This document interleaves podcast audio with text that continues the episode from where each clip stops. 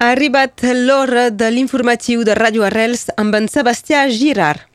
Bon dia, avui dijous 15 de desembre. La continuació ecològica amenaça el rec mil·lenari d'Elna. Un projecte del SMIGATA, sindicat mixt encarregat de la gestió de la vall del Tec, demana la demolició de la resclosa que alimenta el rec perquè representa un fre a la continuació ecològica, és a dir, la circulació dels peixos i dels sediments. El col·lectiu per la salvaguarda del rec d'Elna ja ha avançat arguments jurídics i científics que per ara han paralitzat un projecte que encara no s'ha retirat del tot. Una reunió pública d'informació tindrà lloc a la sala Gavroche d'Elna aquesta tarda a les 6. Un espant pel tren groc. Dimarts a la nit una locomotora va cremar a l'estació de Vilafranca de Conflent. El foc s'hauria calat pel disfuncionament de dues bateries. Per sort, la locomotora era estacionada als afores de l'estació a la zona de manteniment i doncs sense cap risc de propagació. Els bombers van poder apagar l'incendi prou ràpidament per bé que l'aigua sigui encara un problema a Vilafranca de Conflent. L'operació del TER a un euro s'estén als viatges escolars i als desplaçaments dels clubs amateurs. L'anunci de Carol Delga va servir de tastet abans de l'examen del pressupost per l'Assemblea Regional que se celebra avui. Un miliard d'euros seran destinats als transports, representa més del quart del pressupost total de la regió.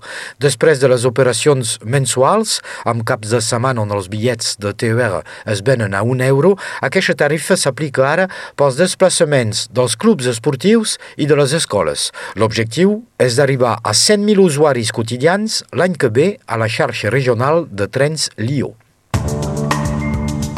Madrid no vol sentir a parlar d'un referèndum per la independència de Catalunya.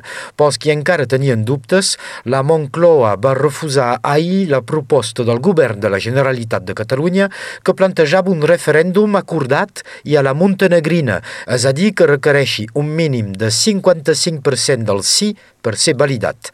La portaveu del govern espanyol i el ministre de la presidència van deixar una resposta clara ni pensar-hi. Un nou cop de porta a la proposta política d'Esquerra Republicana de Catalunya que portarà la qüestió del referèndum acordat al seu Congrés Nacional previst a finals de febrer. Kosovo sol·licita formalment entrar en la Unió Europea. La demanda arriba en plena escalada de tensions a la frontera amb Sèrbia.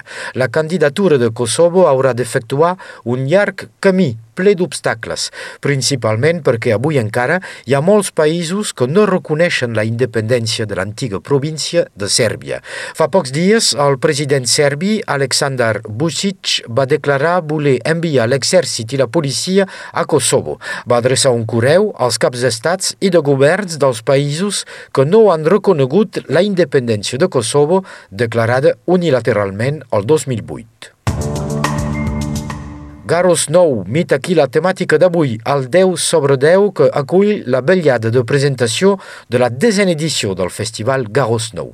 Avui, a la Casa Musical també podreu encontrar els protagonistes de la French Tech per la música, un bon grapat de DJs i un cineconcert del duo Virgile i Maël a la sala de l'Institut Jean Vigo.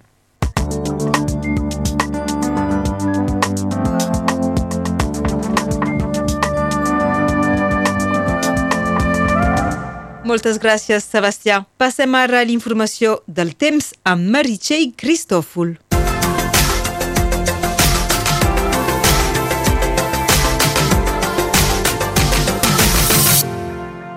Dia. Avui és un dia humit. S'espera pluja sobre la major part del país fins a 7,2 mil·límetres a la plana del Rosselló.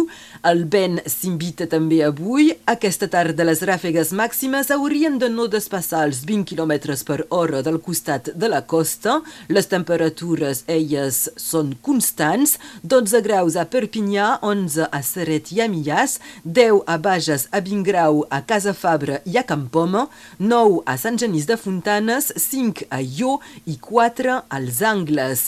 Aquesta tarda el sol s'apondrà a les 5 hores i 15 minuts i avui celebrem Santa Cristina i Santa Sílvia.